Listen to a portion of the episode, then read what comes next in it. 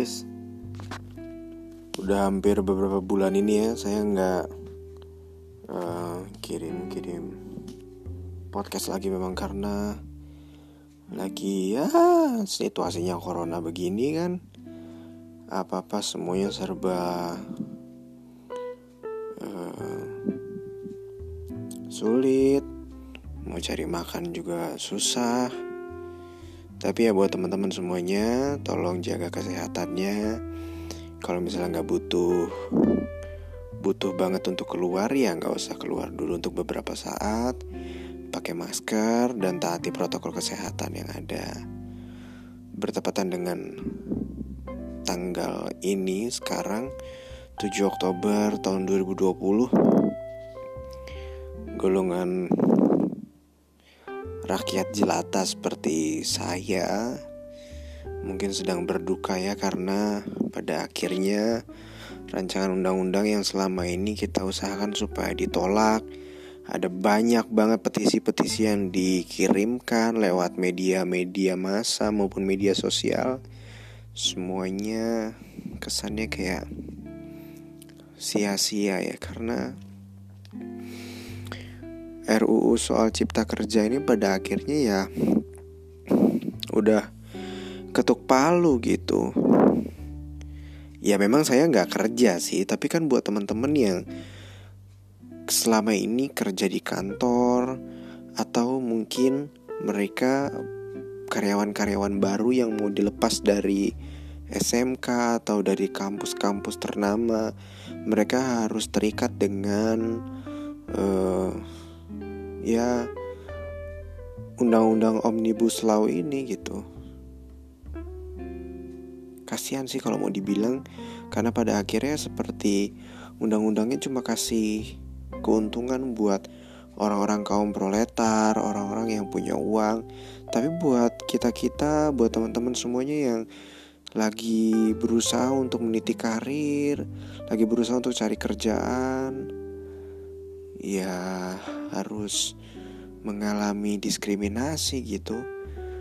Karena jujur yang saya percaya mau sampai kapan pun juga yang namanya diskriminasi bakal terus tetap terjadi ya.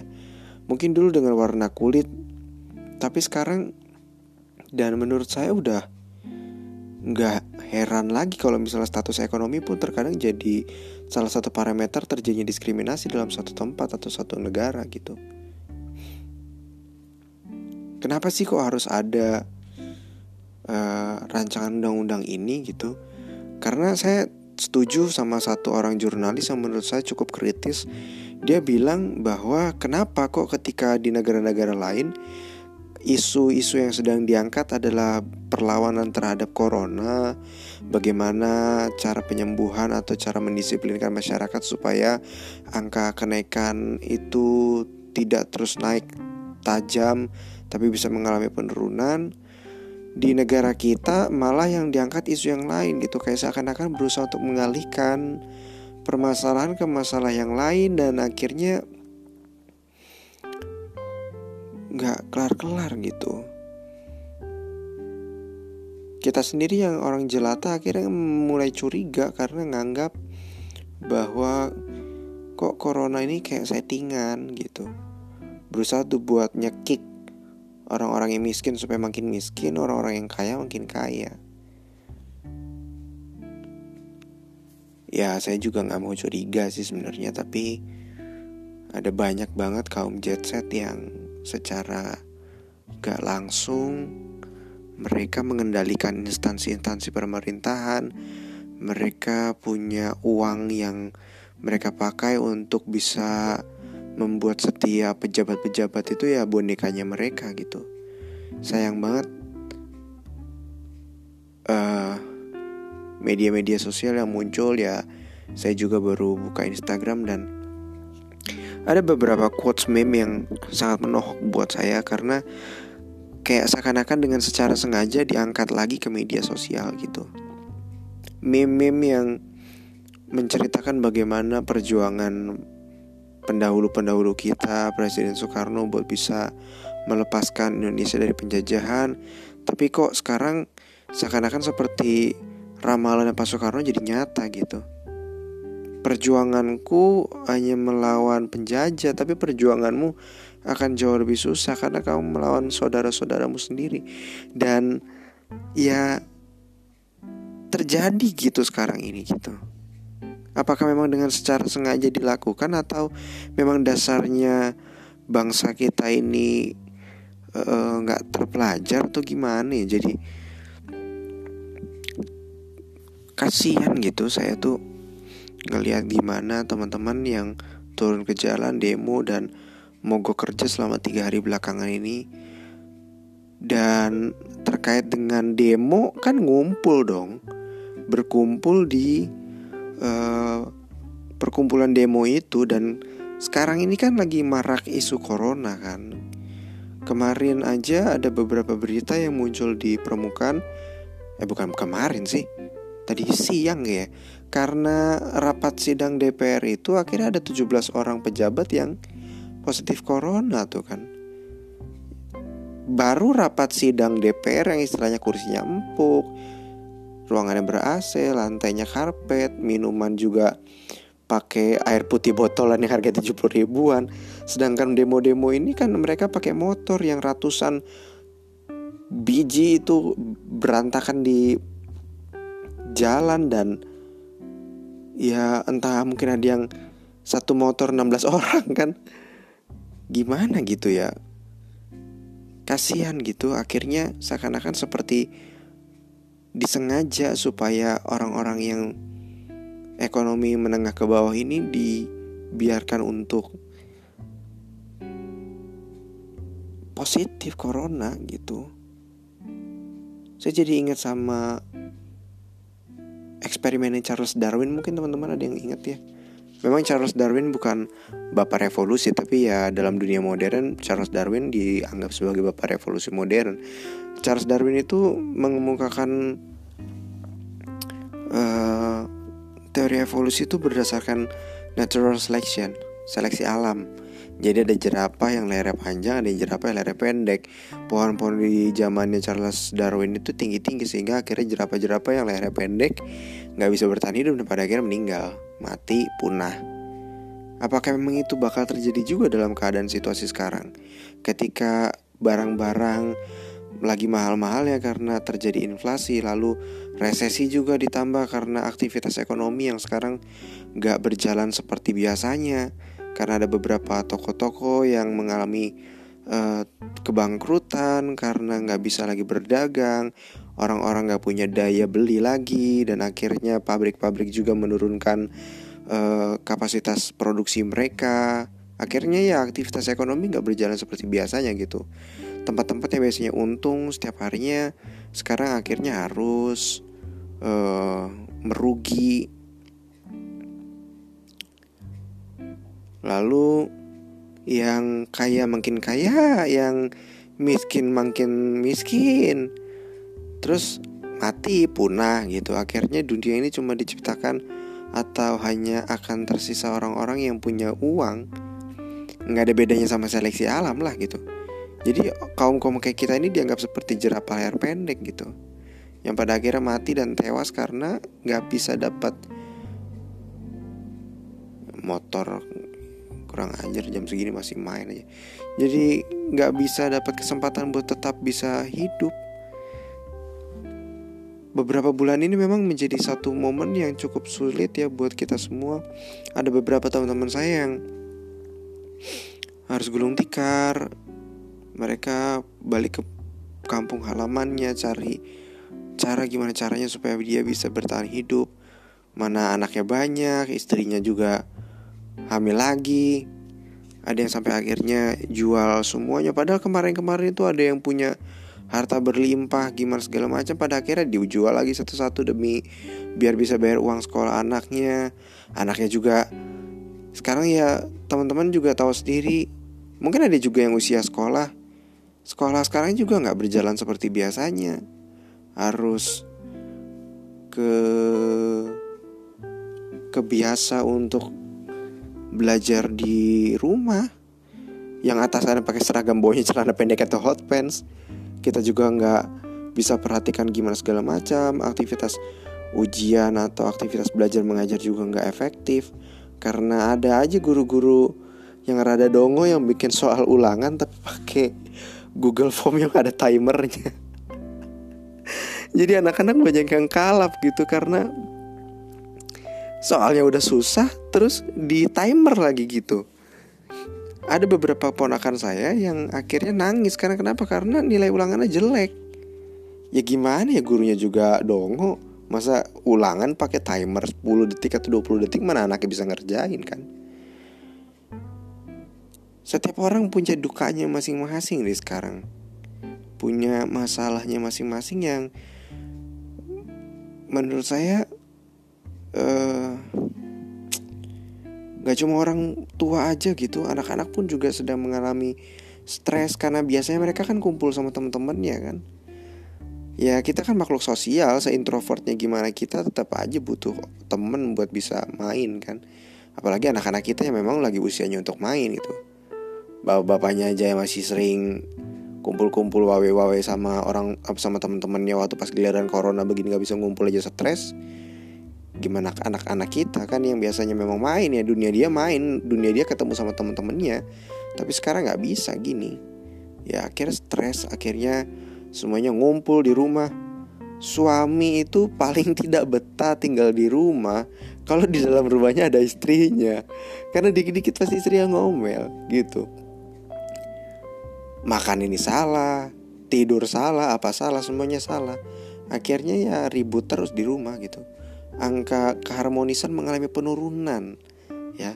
Karena bagaimanapun juga yang namanya laki-laki itu butuh aktivitas keluar supaya setidaknya beberapa jam kita bisa terlepas dari istri-istri kita. Tapi sekarang kan nggak bisa gitu kumpul semuanya di rumah. Udah kumpul semuanya di rumah ada istri-istri juga yang rada psycho kan. Masalahnya kenapa? Masalah udah tahu suaminya lagi nggak ada kerja. Tanggungan biaya rumah tangga nggak bisa diperkecil nggak bisa diirit-irit Ya buat teman-teman semuanya Ayo tetap sabar, tetap berdoa, tetap tawakal. Ya kita semua cuma bisa berusaha Tapi kan bagaimanapun juga cuma Tuhan yang bisa uh, Berkehendak Untuk setiap teman-teman saya yang karyawan Yang mungkin saat ini sedang lulus SMA dan lagi cari kerja Sabar-sabar aja. Dan memang pada akhirnya kita semua harus sadar bahwa uh, apa ya? Wira swasta lah gitu maksudnya. Belajar buat kreatif sehingga kita nggak terus-terusan ngetek sama pabrik gitu. Karena kan itu udah jadi standarnya orang Indonesia kan kalau misalnya menengah ke atas punya modal pasti anak-anaknya selalu diarahin ke PNS PNS kalau nggak PNS anaknya belum jadi orang gitu apa dong berarti? Masa masih jadi Tamiya? Kan enggak. Lah sedangkan yang menengah-menengah ke bawah gitu kan pasti pabrik pabrik pabrik gitu. Lebih lebih hidup lah istilahnya anak-anak yang menengah ke bawah. Kalau misalnya setelah lulus dari SMA bisa diterima di pabrik atau enggak di bank. Pada di bank juga cuma jadi sales juga. Gitu. Mulai belajar buat wira swasta lah apa aja bisa dijual gitu sekarang apalagi sekarang platform pasar online atau platform kayak ojek online juga sedang marak di handphone-handphone kita semua kan. Pasti bohong banget kalau misalnya di antara kita lagi nggak ada yang punya uh, ojol atau toko online gitu bullshit banget. Pasti banyak semua di antara kita yang punya gitu. Ya belajar wira swasta lah gitu. Ada saya juga baru lulus dari manajemen bisnis lagi saya berusaha buat arahin supaya bisa wira swasta gitu. Karena makin ke sini pasti apa yang namanya eh, pasar dagang nggak lagi persaingan yang jelas nama pasar dagang. Tapi perusahaan-perusahaan besar pasti akan terus tetap berusaha mencari profit. Karena kenapa? Karena walaupun saingan-saingannya ada pasar-pasar kecil tapi kecil-kecil gitu juga bisa ngerayap menggerogoti perekonomian perusahaan-perusahaan yang besar juga. Akhirnya mereka e, mungkin menunggangi DPR kali atau gimana ya? Sehingga pada akhirnya muncul RUU ini kan kita nggak pernah tahu tuh motivasinya apa karena muncul kayak begini kan. Ya kalau mau nyalain presiden kita nggak bisa nyalain presiden. Karena bagaimanapun juga setiap keputusan-keputusan yang keluar dari DPR itu juga karena ada dukungan-dukungan dari fraksi-fraksi gitu kan. Kita lihat sendiri di berita ada cuma ada dua fraksi partai politik doang yang menolak adanya RU ini kenapa yang lain yang dukung? Kan kita nggak pernah tahu. Ya kita mau menghakimi juga dosa mendingan ya udahlah. E, teman-teman ya kritis mulai latih kepekaan untuk bisa melihat bahwa duniamu nggak cuma sekedar kerja demi duit tapi mulai kritis melihat pola-pola yang terjadi di masyarakat sehingga akhirnya kita nggak mudah untuk ditipu gitu. Kita nggak mudah untuk uh, selamanya jadi keset. Kasihan lah ya.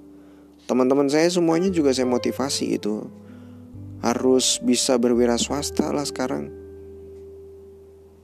Karena wira swasta tuh nggak bisa berhenti nggak akan ada matinya. Seringkali ada orang yang bilang gini lah bang kalau misalnya semua orang dagang terus yang beli siapa? Lah emang semua orang dagangnya tempe semua satu dunia? Kan enggak Pasti kan beda-beda. Pedagang yang satu beli dari pedagang yang lain emang kenapa apa salahnya Nggak ada salahnya gitu Karena kan produk yang dijual kan nggak semuanya sama Masa kali ya semuanya jual kerupuk Kan ada yang jual baju, ada yang jual ini, setiap perdagangan-perdagangan kayak gitu. Kayaknya kalau misalnya mau ditarik-tarik lagi muncul-munculnya nanti ke barter deh. Kayak seakan-akan duit udah nggak kepake lagi gitu. Jadi unik juga ya e, dunia berputar tuh ya begitu tuh. Akhirnya nanti ujung-ujungnya balik lagi ke barter lagi. Ya, apakah manusia akan kembali tinggal di gua? Ya saya nggak pernah tahu lah. Ya tapi kayaknya kelihatannya bakal balik lagi ke barter gitu karena dia tuh udah nggak bakal ada artinya nih. Ya apalagi sekarang kan mulai hilang nih polanya. Karena kenapa? Karena duit mulai digantikan dengan uang digital e-wallet dan segala macam. Nanti balik lagi nggak usah pakai duit udah. Barter aja barter ya. Kayak pesawatnya Pak Habibie N250 bisa diganti pakai kacang hijau kan